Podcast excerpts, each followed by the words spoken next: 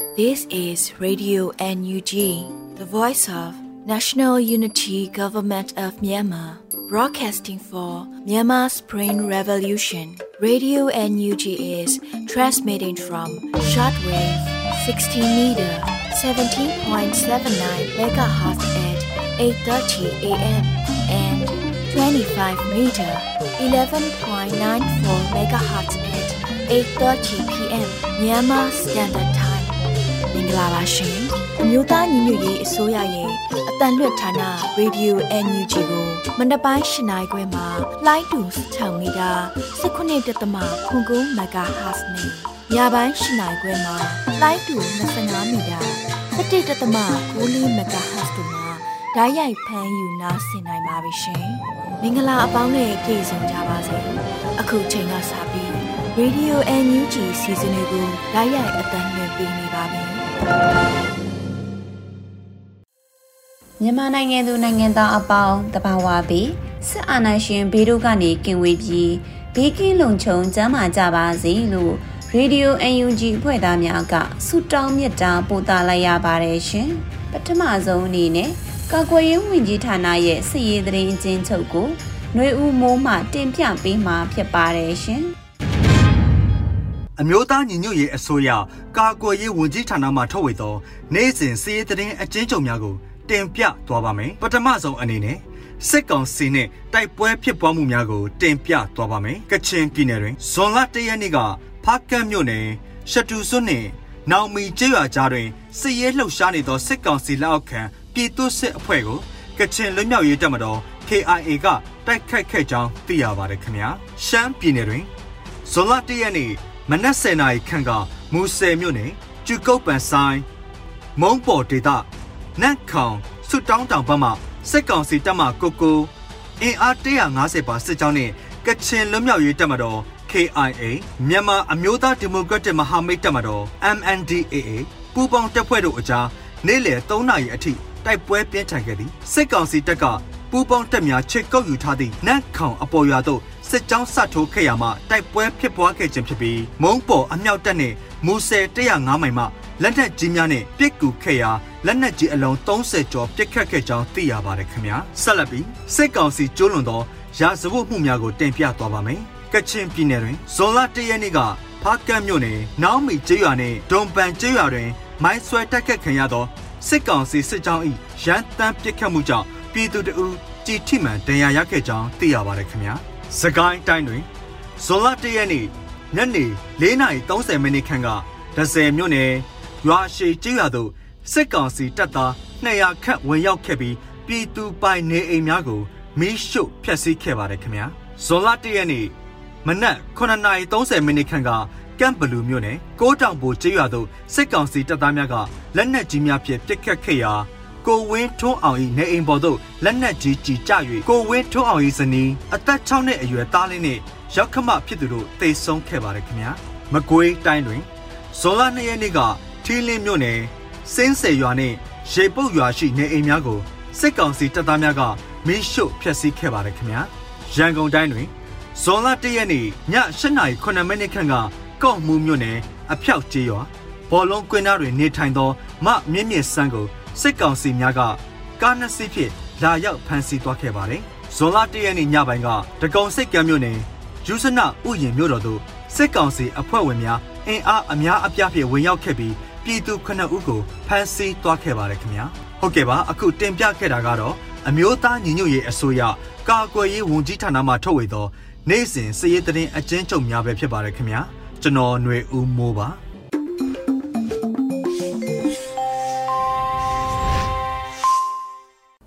ဆက်လက်ပြီး Radio UNG ရဲ့နောက်ဆုံးရသတင်းများကိုຫນွေဦးမောင်မှဖက်ကြားတင်ပြပေးပါမယ်ရှင်။ယခုချိန်ကစပြီး Radio UNG မနက်ခင်းသတင်းများကိုဖတ်ကြားတင်ပြပေးပါတော့မယ်။ပထမဆုံးတင်ဆက်ပေးမယ့်သတင်းကတော့ CDM ဝန်ထမ်းတွေရဲ့တနိုင်တပိုင်လုပ်ငန်းတွေကိုကူညီထောက်ပံ့လိုပါကဖိတ်ခေါ်တယ်လို့ဒုဝန်ကြီးဤတင်ဆန်မောင်ကပြောကြားခဲ့တဲ့သတင်းကိုတင်ဆက်ပေးပါမယ်။ ဇွန်လ2ရက်နေ့မှာအမျိုးသမီးလူငယ်နဲ့ကလေးတငယ်ရေးရာဝန်ကြီးဌာနမှဒုဝန်ကြီးဤတင်ဆန်မောင်ကလူမှုကွန်ရက်မှာအခုလိုရေးသားပြောကြားခဲ့ပါတယ်။ရုံးက CDN ဝန်ထမ်းတွေကပြောတယ် အမြဲတမ်းအလူရှင်တွေစီကအလူခံနေရတာကိုမလိုချင်တော့ဘူးကိုပိုင်လုပ်ငန်းလေးနဲ့လဲပတ်ချင်တဲ့အရင်နီးလေးရရင်အဆင်ပြေမယ်နဲ့ကျမတို့ဝန်ကြီးဌာနကတော့ပိုက်ဆံသိမ့်မရှိဘူးဒါပေမဲ့ကျမတို့အတူတူစ조사ကြည့်ကြတာပေါ့ဆိုပြီးလုပ်ငန်းလုပ်ချင်သူတွေကိုအရင်အနည်းနည်းနည်းထုတ်ပေးပြီးစ조사ခိုင်းကြည့်တယ် ရလက်ကအဆင်ပြေတယ်ပြောရမယ်သူတို့အတွက်ပုံမှန်ဝင်ငွေလေးတော့ရလာတာပေါ့အဲ့ဒါကြောင့် CDN ဝန်ထမ်းတွေရဲ့တနိုင်တပိုင်းလုပ်ငန်းတွေကိုဤပညာအားဖြင့်ရောငွေရှင်းအားဖြင့်ရောကူညီခြင်းဖိတ်ခေါ်ပါတယ်လို့ဆိုပါတယ်ခင်ဗျာအမျိုးသမီးလူငယ်နဲ့ကလေးတငယ်ရေးရာဝန်ကြီးဌာနမှ CDN ဝန်ထမ်းများမှလက်တလောတွင်စိုက်ပျိုးရေးစိုက်ခင်းများကိုစမ်းသပ်လှုပ်ဆောင်နေကြကြောင်းလည်းသိရှိရပါတယ်ခင်ဗျာ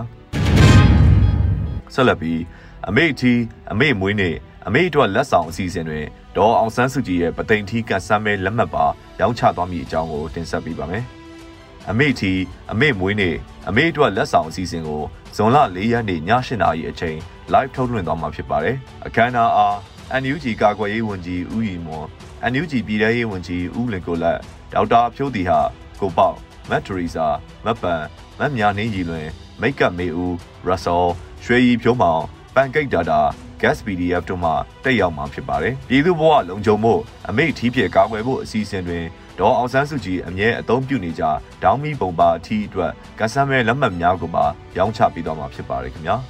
။ဆက်လက်ပြီး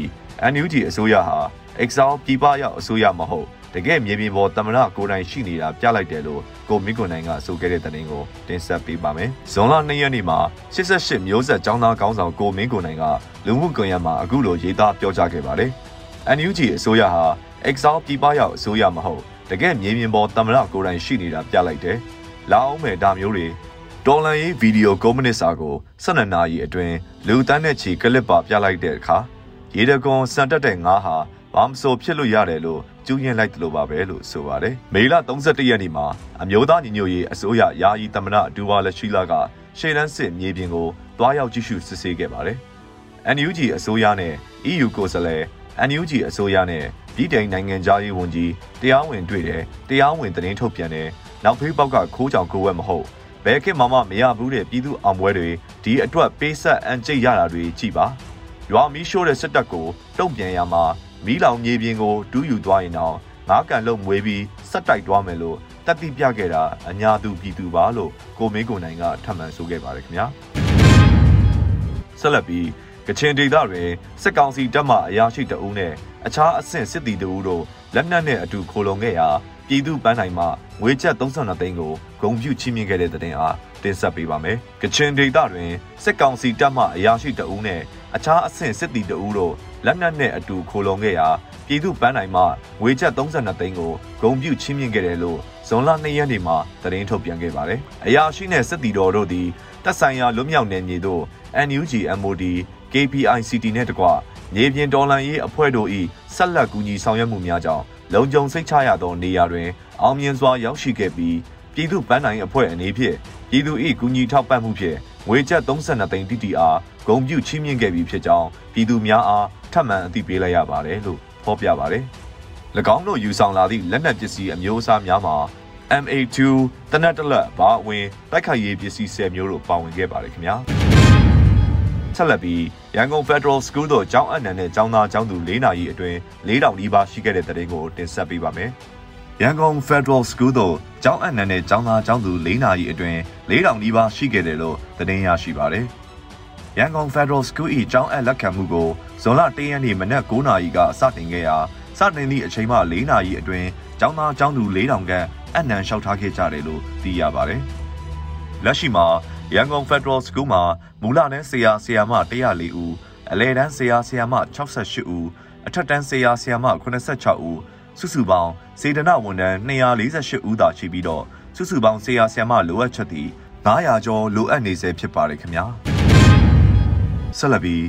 စစ်အာဏာသိမ်းကာလအတွင်းတစ်ခိုးထုတ်မှုများလွန်စွာများပြားလုံးသဖြင့်ပြည်သူ့ကာကွယ်ရေးတပ်ဖွဲ့ PDF များကပင်တရားမဝင်တစ်ဖမ်းဆီးပေးနေရသည့်အခြေအနေသို့ရောက်ရှိနေတဲ့သတင်းကိုတင်ဆက်ပေးပါမယ်။စစ်အာဏာသိမ်းကာလအတွင်းတယံဇာတစီမံအုပ်ချုပ်မှုအပေါ်တက်ရောက်မှုများအားသုံးသက်ခြင်း MONREC Monrec ၏ဖော်ပြချက်အရသိရပါတယ်စစ်အာဏာသိမ်းကာလတစ်နှစ်ကျော်အတွင်းနိုင်ငံအနှံ့တရားမဝင်တစ်ခိုးထုတ်မှုများမှာ အလွန်များပြားစွာပေါ်ပေါက်ရရှိပြီးစကိုင်းတိုင်းနဲ့ပဲခူးရုံးမကဲ့သို့တဘာဝတောတောင်ကောင်းများကြန့်ရှိနေသေးသည့်ဒေသကြီးများအပါအဝင်ကြံတိုင်းပြည်နယ်အနှံ့တွင်လည်းဝိသမလောဘသားများသည်စက်ကောင်စီနှင့်ပူးပေါင်းကတရားမဝင်တစ်ခိုးထုတ်နေမှုများကိုလူမှုကွန်ရက်စာမျက်နှာများမှတဆင့်မြင်တွေ့နေရကြောင်းတစ်ခိုးထုတ်မှုများလုံစွာများပြားလုံးသဖြင့်ပြည်သူ့ကာကွယ်ရေးတပ်ဖွဲ့ PDF များကပင်တရားမဝင်တစ်ဖန်စီပေးနေရသည့်အခြေအနေသို့ရောက်ရှိနေပါကြောင်းတယံဇာတာနှင့်တဘာဝပတ်ဝန်းကျင်ထိန်းသိမ်းရေးဝန်ကြီးဌာနက ဖော်ပြထားပါတယ်။တရားမဝင်တစ်ဖန်စီရမိမှုဧပြီလအထိစရင်ချုပ်မှာကျွန်း52တသမ18တန်ကျော်အခြား3တသမ168တန်တို့ဖြစ်ပါတယ်ခင်ဗျာ။ဆက်လက်ပြီးချင်းတွင်ကျော်မစ်ရှင်အတွက်ဒေသခံအဖွဲ့အစည်းများရဲ့အကူအညီတောင်းခံမှုအရ Shadow SHADOW ထုတ်လုပ်ရေးအဖွဲ့မှဒေသခံမဟာမိတ်အဖွဲ့များအားမိုင်း29လုံးထောက်ပံ့ခဲ့တဲ့သတင်းကိုတင်ဆက်ပေးပါမယ်။ဇွန်လ2ရက်နေ့မှာ Shadow ထုတ်လုပ်ရေးအဖွဲ့ကသတင်းထုတ်ပြန်ပါတယ်။ Genuine Job Mission အတွက်ဒေသခံအဖွဲ့အစည်းများရဲ့အကူအညီတောင်းခံမှုအရကျွန်တော်တို့ Shadow ထုတ်လုပ်ရေးအဖွဲ့နဲ့ညီနောင်မဟာမိတ်မုံရွာ19အဖွဲ့တို့ပူးပေါင်းလှုပ်ဆောင်ကမိုင်းအရေးအတွက်29လုံးဒေသခံမဟာမိတ်အဖွဲ့အစည်းများအားထောက်ပံ့ပေးခဲ့ပါတယ်လို့ဆိုပါတယ်။ Shadow ထုတ်လုပ်ရေးနဲ့လက်နက်ကြီးတပ်ဖွဲ့ဝါ80မမများနဲ့လက်နက်ကြီးများကိုပါတီထွင်ထုတ်လုပ်လျက်ရှိပါတယ်ခင်ဗျာယခုနောက်ဆုံးတင်ဆက်ပေးမယ့်သတင်းကတော့ငန်းစုံမြို့နယ်လက်ပံချင်းတောင်ရွာရှိမိုင်တဲတာဝါတိုင်အားဖောက်ခွဲခဲ့တဲ့သတင်းကိုတင်ဆက်ပေးပါမယ်ဇွန်လ၁ရက်နေ့ည7:00နာရီခွဲအချိန်ငန်းစုံမြို့နယ်လက်ပံချင်းတောင်ရွာရှိမိုင်တဲတာဝါတိုင်အားမဟာမိတ်တပ်ဖွဲ့များမှစစ်စင်ရေးပူးပေါင်းဆောင်ရွက်ခဲ့ပါတယ်လို့သိရပါတယ်ခင်ဗျာ စစ်စင်ရေးကိုရောင်မြို့နယ်ပြည်သူ့ကာကွယ်ရေးနဲ့လုံခြုံရေးအဖွဲ့ CDSOM နဲ့အတူမဟာမိတ်များဖြစ်ကြသောတရင်6တက်ခွဲ1နောင်ရိုးအထူးပျောက်ကြားတပ်ဖွဲ့ NYSGF နဲ့ငန်းစုံ Hero ငန်းစုံ Hero တက်ခွဲ2ငန်းစုံ5 star ရောင်အမျိုးသမီးစစ်တီတော်တရင် M2W အဖွဲ့တို့မှပူးပေါင်းခဲ့ပါတယ်ခင်ဗျာယခုတင်ဆက်ပေးခဲ့တာကတော့ Radio NUG မနက်ခင်းပြည်တွင်သတင်းများပဲဖြစ်ပါတယ်ယခုတင်ပြပေးခဲ့တဲ့သတင်းတွေကို Radio NUG သတင်းတာဝန်ခံတွေနဲ့ ခိုင်လုံသောမိဖက်သတင်းရင်းမြစ်တွေမှအခြေခံထားတာဖြစ်ပါတယ်။ကျွန်တော်ကတော့ຫນွေဦးမှာပါခင်ဗျာ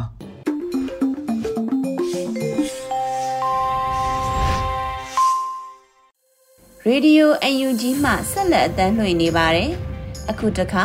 ပြည်သူခုခံတော်လှန်စစ်တရင်များကိုຫນွေဦးလင်းအိမ်မှဖတ်ကြားပေးထားပါတယ်ရှင် ပထမဆုံးအနေနဲ့ KNU တပ်မဟာတင်နေမြေမှာမေလအတွင်းစစ်ကောင်စီတပ်နဲ့ KNLA ပူးပေါင်းတပ်ဖွဲ့ကြားတိုက်ပွဲပေါင်း42ကြိမ်ဖြစ်ပြီးစစ်သား82ဦးသေဆုံးက KNLA ပူးပေါင်းအဖွဲ့မှ2ဦးကြဆုံးတဲ့တဲ့ရင်ကိုတင်ဆက်ပေးပါမယ်။ကရင်အမျိုးသားအစည်းအရုံး KNU တပ်မဟာတင်နေမြေဒုသတူတထုံခရိုင်တွင်အကြမ်းဖက်စစ်ကောင်စီတပ်လက်ပါစီနေကြားဆောင်တပ်ဖွဲ့များနဲ့ KNLA KNDO ပူးပေါင်းတပ်ဖွဲ့ကြား2022ခုနှစ်မေလတလအတွင်းထိတွေ့ပစ်ခတ်မှု40ကြိမ်ဖြစ်ပွားခဲ့က စစ်ကောင်စီဘက်မှ82ဦးသေဆုံးပြီး53ဦးဒဏ်ရာရကစစ်ကား၅စီးပျက်စီးသွားကြောင်း KNU ကသတင်းထုတ်ပြန်ပါတယ်။ထိုတိုက်ပွဲများအတွင်း KNLA KNDO ပူးပေါင်းအဖွဲ့မှရဲဘော်2ဦးကြာဆုံးခဲ့က12ဦးထိခိုက်ဒဏ်ရာရတယ်လို့ KNU ကဆိုပါတယ်။ အကြမ်းဖက်စစ်ကောင်စီတပ်ဟာတထုံခရိုင်အတွင်းလေကြောင်းမှနှစ်ကြိမ်ပစ်ခတ်တိုက်ခိုက်မှုကြောင့်အများပြည်သူနေအိမ်၁၁လုံးမီးလောင်ပျက်စီးကြောင်းစစ်ကောင်စီတပ်စခန်းများကပစ်ခတ်တဲ့လက်နက်ကြီးကြီးထိမှန်ပြီးရသားပြည်သူ2ဦးသေဆုံးက3ဦးဒဏ်ရာရကြောင်းသိရှိရပါတယ်။ဆက်လက်ပြီးချင်းတွင်းမြေကန်ပြီးကျွော်တွေကိုမီးရှို့ဖျက်ဆီးနေတဲ့စစ်တပ်ကိုဘုံနဂါဥဆောင်တဲ့တန်တဲ့ PDF များပူးပေါင်းတိုက်ခိုက်တာကြောင့်စစ်ကောင်စီဘက်မှတေဆုံးမှုများပြတဲ့တဲ့ရင်ကိုတင်ဆက်ပေးမှာပါ။ ချင်းတွင်းမြေကန်ပြီးကျွော်တွေကိုမီးရှို့ဖျက်ဆီးနေတဲ့စစ်တပ်ကိုဘုံနဂါဥဆောင်တဲ့တန်တဲ့ PDF များပူးပေါင်းတိုက်ခိုက်တာကြောင့်စစ်ကောင်စီဘက်မှတေဆုံးမှုများပြလျက်ရှိကြောင်းဒေသကာကွယ်ရေးတပ်များထံမှသိရှိရပါတယ်။စကိုင်းတိုင်းချင်းတွင်းမြေကမ်းဘေးကျေးရွာတွေကိုမီးရှို့ဖျက်ဆီးနေတဲ့စစ်တပ်ရင်ရင်အုပ်စုကိုမြမတော်ဝင်တကားတပ်တော် MRDA ချင်းတွင်းတော်လှန်ရေးတပ် CRA စကိုင်းတိုင်းအထူးတပ်ဖွဲ့ KPDF 1တို့ပူးပေါင်းပြီးတိုက်ခိုက်ရာစစ်တပ်ဘက်မှသေဆုံးမှုများပြားကြောင်းသိရှိရပါတယ်။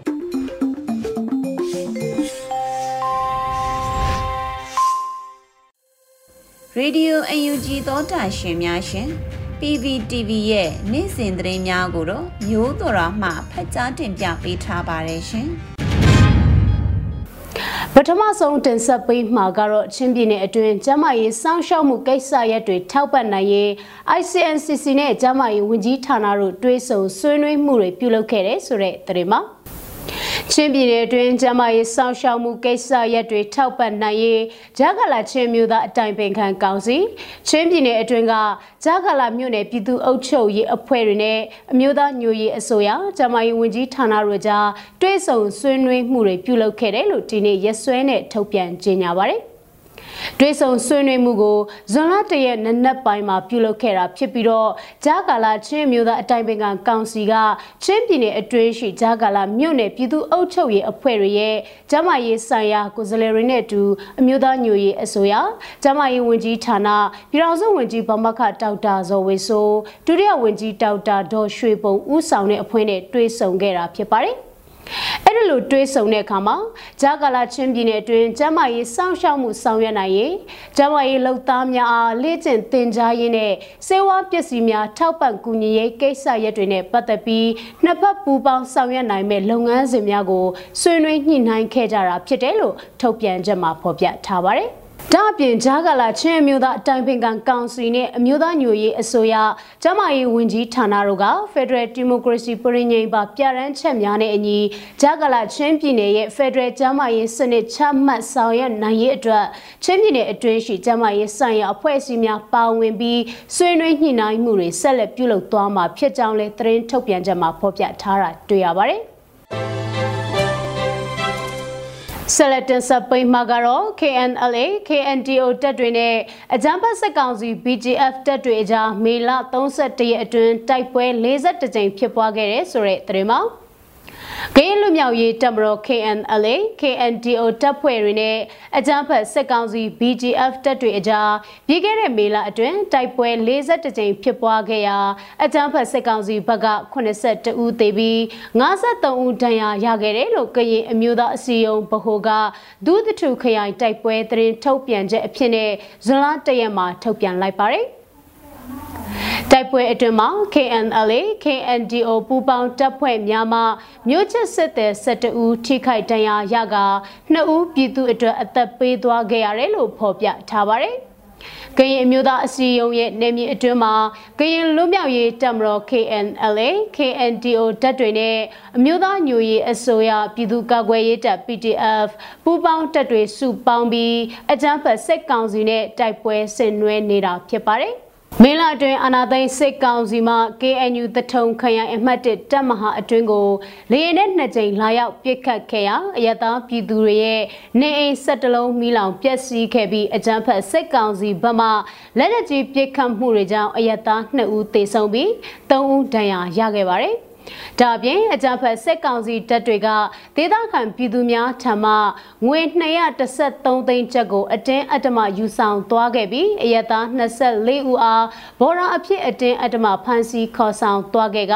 ဒေသခံပြည်သူတွေရဲ့ရာဘာချန်3ချန်စုစုပေါင်း73ဧကကိုလည်းမိရှို့ဖျက်ဆီးခဲ့ပါတယ်။ အကြမ်းဖက်စစ်ကောင်စီနဲ့ BGF ပူးပေါင်းတပ်ဖွဲ့တွေကမေလအတွင်းအရသာပြည်သူတွေရဲ့ကျွမ်းနွားရှစ်ကောင်အားပစ်တက်ခဲ့ပြီးစားတော့ကုန်အခြားပစ္စည်းအများအပြားကိုလည်းယူဆောင်ဖျက်ဆီးမှုများကျူးလွန်ခဲ့တယ်လို့ KNU ဗဟိုရဲ့ထုတ်ပြန်ချက်မှာဖော်ပြထားတာတွေ့ရပါတယ်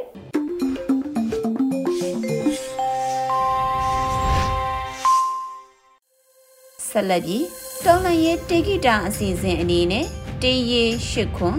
တေးဆူ63တို့ရဲ့ခိုင်မာတဲ့တန်တိတ်ထန်လို့အမည်ရှိတဲ့တခြင်းကိုခန်းစားနားဆင်ကြရမှာဖြစ်ပါတယ်ရှင်။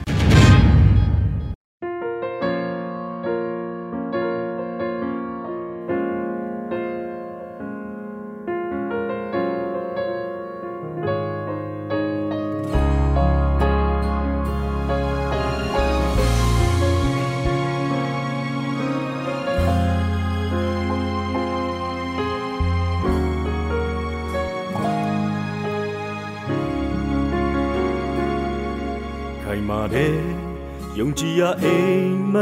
လန်းပေါ်သက်တွေဒူရူကုံကုံပေးဆက်ကလက်တွေထားရဲ့ဘော်တွေမန်ကန်ပီစမနဖရယာနိုင်ဘူးဒီတွေ့နိုင်ရတောင်းဝန်ထမ်း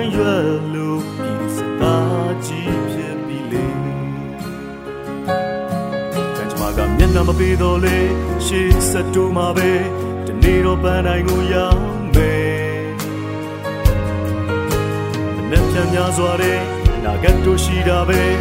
ဘာမှမကြောက်ဘူးဟေးအနေ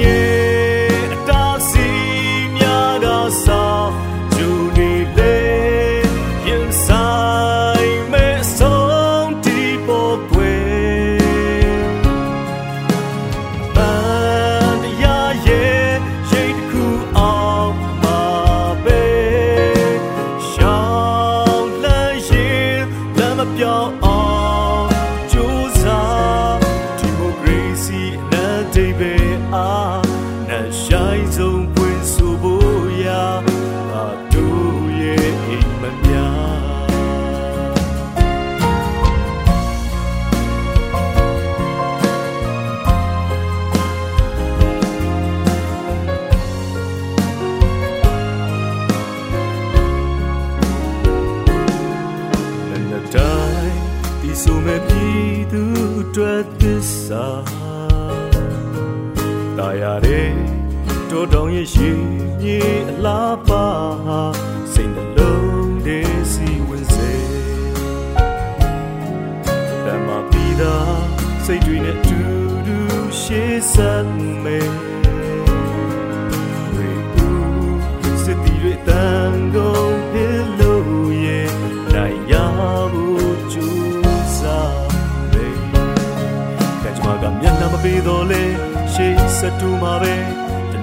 နေ့တော့ပန်းနိုင်ကိုရောက်မယ်နှစ်ပြန်များစွာတဲ့အနာဂတ်တို့ရှိတာပဲဘာမှမကြောက်ဘူးဟေး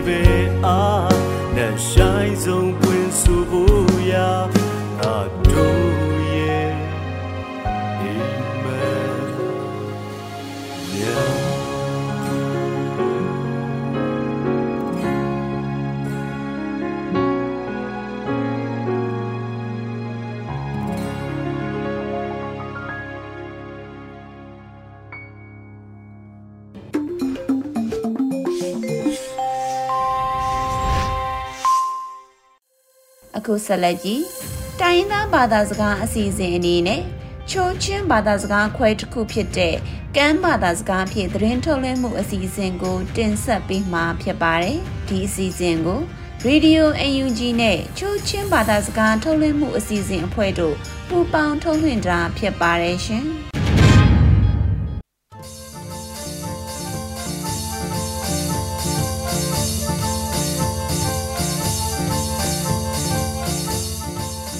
NUG โครกังเรดิโอนำงายาปุงเอน้อยไปเกยนาวนำวันนำไรไปออตีละนำกุดการตุกกือเกยค่าทุทางการแทนอวยกุยเคอซาละกะกระกืออลัมมาจึกออยทางกุมทองนี่กุมทองกุมนี่ နာခရာအပအုတ်နှပါမင်ဒတ်ခပွိတိုင်နေအမတ်ပနိဝန်လာရိုက်ကပ်သေးဖရာလဒံပုန်စစ်ချောင်းအမ်ထူလောနာကေဒေါငါခမတူရကရီလာယောင်အိုအင်ပေနမ်ရကရီတူဖီအဖေမွန်လာဘရော့အိုအင်ဒေါငဒန်ဘိုင်ဂတီလာမင်ဒတ်ရကရီဒွန်ခမ်ပုန်အဝိုင်ချာအပူမင်တကူ ရိုက်ကပ်ထတူခါထရိုခေါရီကလီကန်ကိုစကိုင်ရမ်အွန်ဒိုခေါရီအဗနာအနွိနောကလာစစ်ချောင်းထိုဦးအန်ခေါဝางโจวางงอนชีนักอนุยละอมกุตียากละอมกุอปันหีออยทาง CNTF PTF กะลีออนปากาพาตูบอกอูเอ็นกะลีขปุยอาชีพวางนัดช่องโคซา คอยคราทุ่มกิบออนอปุเมกายนนาคราอปะเอิดเฮือบศิลารายกับเทตูออนตูอาดอุกตียากละอมกุอาคาซอยอัมตุกอานาการายกับเทปาริ CN ปีนมรายกับอปุมตุยออนรามีฮัมละอชิงนักลูเปเอ็นปันหิเลมกตียากละอมเอ็นต้อยใบปึงละนัดช่องคอยอิมตูรายกับเทตุเอนมีออนคุ้มขีเทศขาดอุกตียากละอมกือ อปทุมออยทางกุมทองนี่กุมทองกุมนี่คอยคราทุ่มกิบเนือปะ Interim Chin National Consultative Council ICNCCN Federal ลำปุยเจนาเกทุกคนจับู Single Tech Draft กำปรางทำหนุยเอ็นอเบยก่อนนะ ครูคอยอากีอคองตูปีนำตูออนกุลุมก้องเอตาชินชาตาเฟเดเรนนอนละกระลอยตีลาเลมีนซองเนท่องเฮเซนเนตออนทูคราอุกืออาคาซอยซิงเกิลเทคดราฟทุกคราคุยา Interim Chin National Consultative Council ICNCC ครูคออุเกตู Administration Council Board of Judicial Board of Legislature Non on ทุกคราเวพี เฟเดเรเนอนิงจังออนเจเอลากัมฐานาเอ็นกัมบิโลงหุยกุตีมัดละอมกือครูครั้งฟิล์มตัวเอง ICNCCA ละอัมเปกลอยนอนซิงเกิลเทคดราฟกัมขับคุยเอ็นคอยคราทองเลลีนเฮิบ ICNCC งอยตุนนากะครูครั้งฟิล์มตัวเองอัมทุมนาเกบูปาเรเต acting committee ตัวเอง BBOAD ยากละอมกือ apali oithang kamplet khopui khro kho asum wangla om upunge da yin tu khokhuya rakri la yong upunge pinam khuya amosa paret cun seilung seiwa ok aye on phungtung na ke mo ka suisak tu adam ada ngai ke ti yak lom ku da yin tu ei amram khuya kamplet on ะยองอุปุงเอปีนำคุยาอมอซาปาเรตซีอูเอ็นเซลุงเซวาออกอาเยออนพงตุงนาเกโมกาสุยสักตูอเดิมอดาง่ายกตียากลอมคือดายินตูเออัมรามคุยากันเปล็ดออนกินตุยวางละเมย่องละอุปงเงรักรีพระทุมอมเอ็นปอยรายปึงนุตองทองเคงาอ่อนสุกอ่อนหุยปึงอมอคริกิบอมกตียากละอมกือรายกับเทตูอ่อนปีนำรายกับตูอัมตุกอานาเกดองากันเปลดขปุยคุยปีนำท้องเอิดละเดิมปึงรักรีละย่องกุตียากละอมเอ็นอคัดซอยรักรีตุขุยาเชลุงเชวาเอื้ออมนาเกดองา short and shipung amo pari lokhan ku di la yak lom ku apanga oi thang rai gap thetuen ana amru kona karen ni on karen ram khuya varai gap thetu kha krang mi miteila ngon thep nak on tuk a khuya amha nak e om pungei pi nam ngon thep na ke thoi nak om ku di la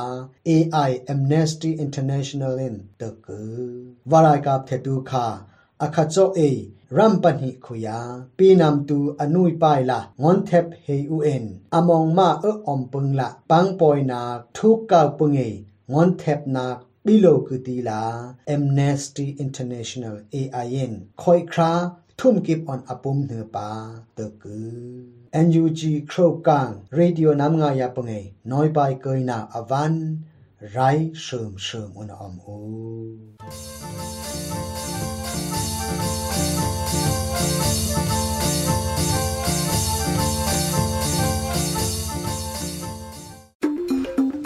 ဒီကနေ့ကတော့ဒီညနေပဲ Radio NUG ရဲ့အစီအစဉ်လေးကိုခေတ္တရ延လိုက်ပါမယ်ရှင်မြန်မာစံတော်ချိန်မနေ့၈နိုင်ခွဲနဲ့ည၈နိုင်ခွဲအချိန်တွေမှာပြောင်းလဲဆိုပြကြပါလို့ရှင် Radio NUG ကိုမနေ့ပိုင်း၈နိုင်ခွဲမှာလိုင်းတူ16မီတာ19တက်တမခုကူမဂါဟတ်နဲ့ညပိုင်း၈နိုင်ခွဲမှာလိုင်းတူ25မီတာ17တက်တမ9မဂါဟတ်တို့မှာဓာတ်ရိုက်ဖမ်းယူ နာဆင်နိုင်ပါပြီရှင်။မြန်မာနိုင်ငံသူနိုင်ငံသားများကိုစိတ်နှဖျားစမ်းမချမ်းသာလို့ဘေးကင်းလုံခြုံကြပါစေလို့ Radio NUG ရဲ့ဖွဲ့သူဖွဲ့သားများကဆုတောင်းလိုက်ရပါတယ်။ San Francisco Bay Area အခြေဆိုင်မြမမိသားစုများနိုင်ငံတကာကစေတနာရှင်များလို့အားပေးများရဲ့ Radio NUG ဖြစ်ပါတယ်ရှင်။အရေးတော်ပုံအောင်ရမည်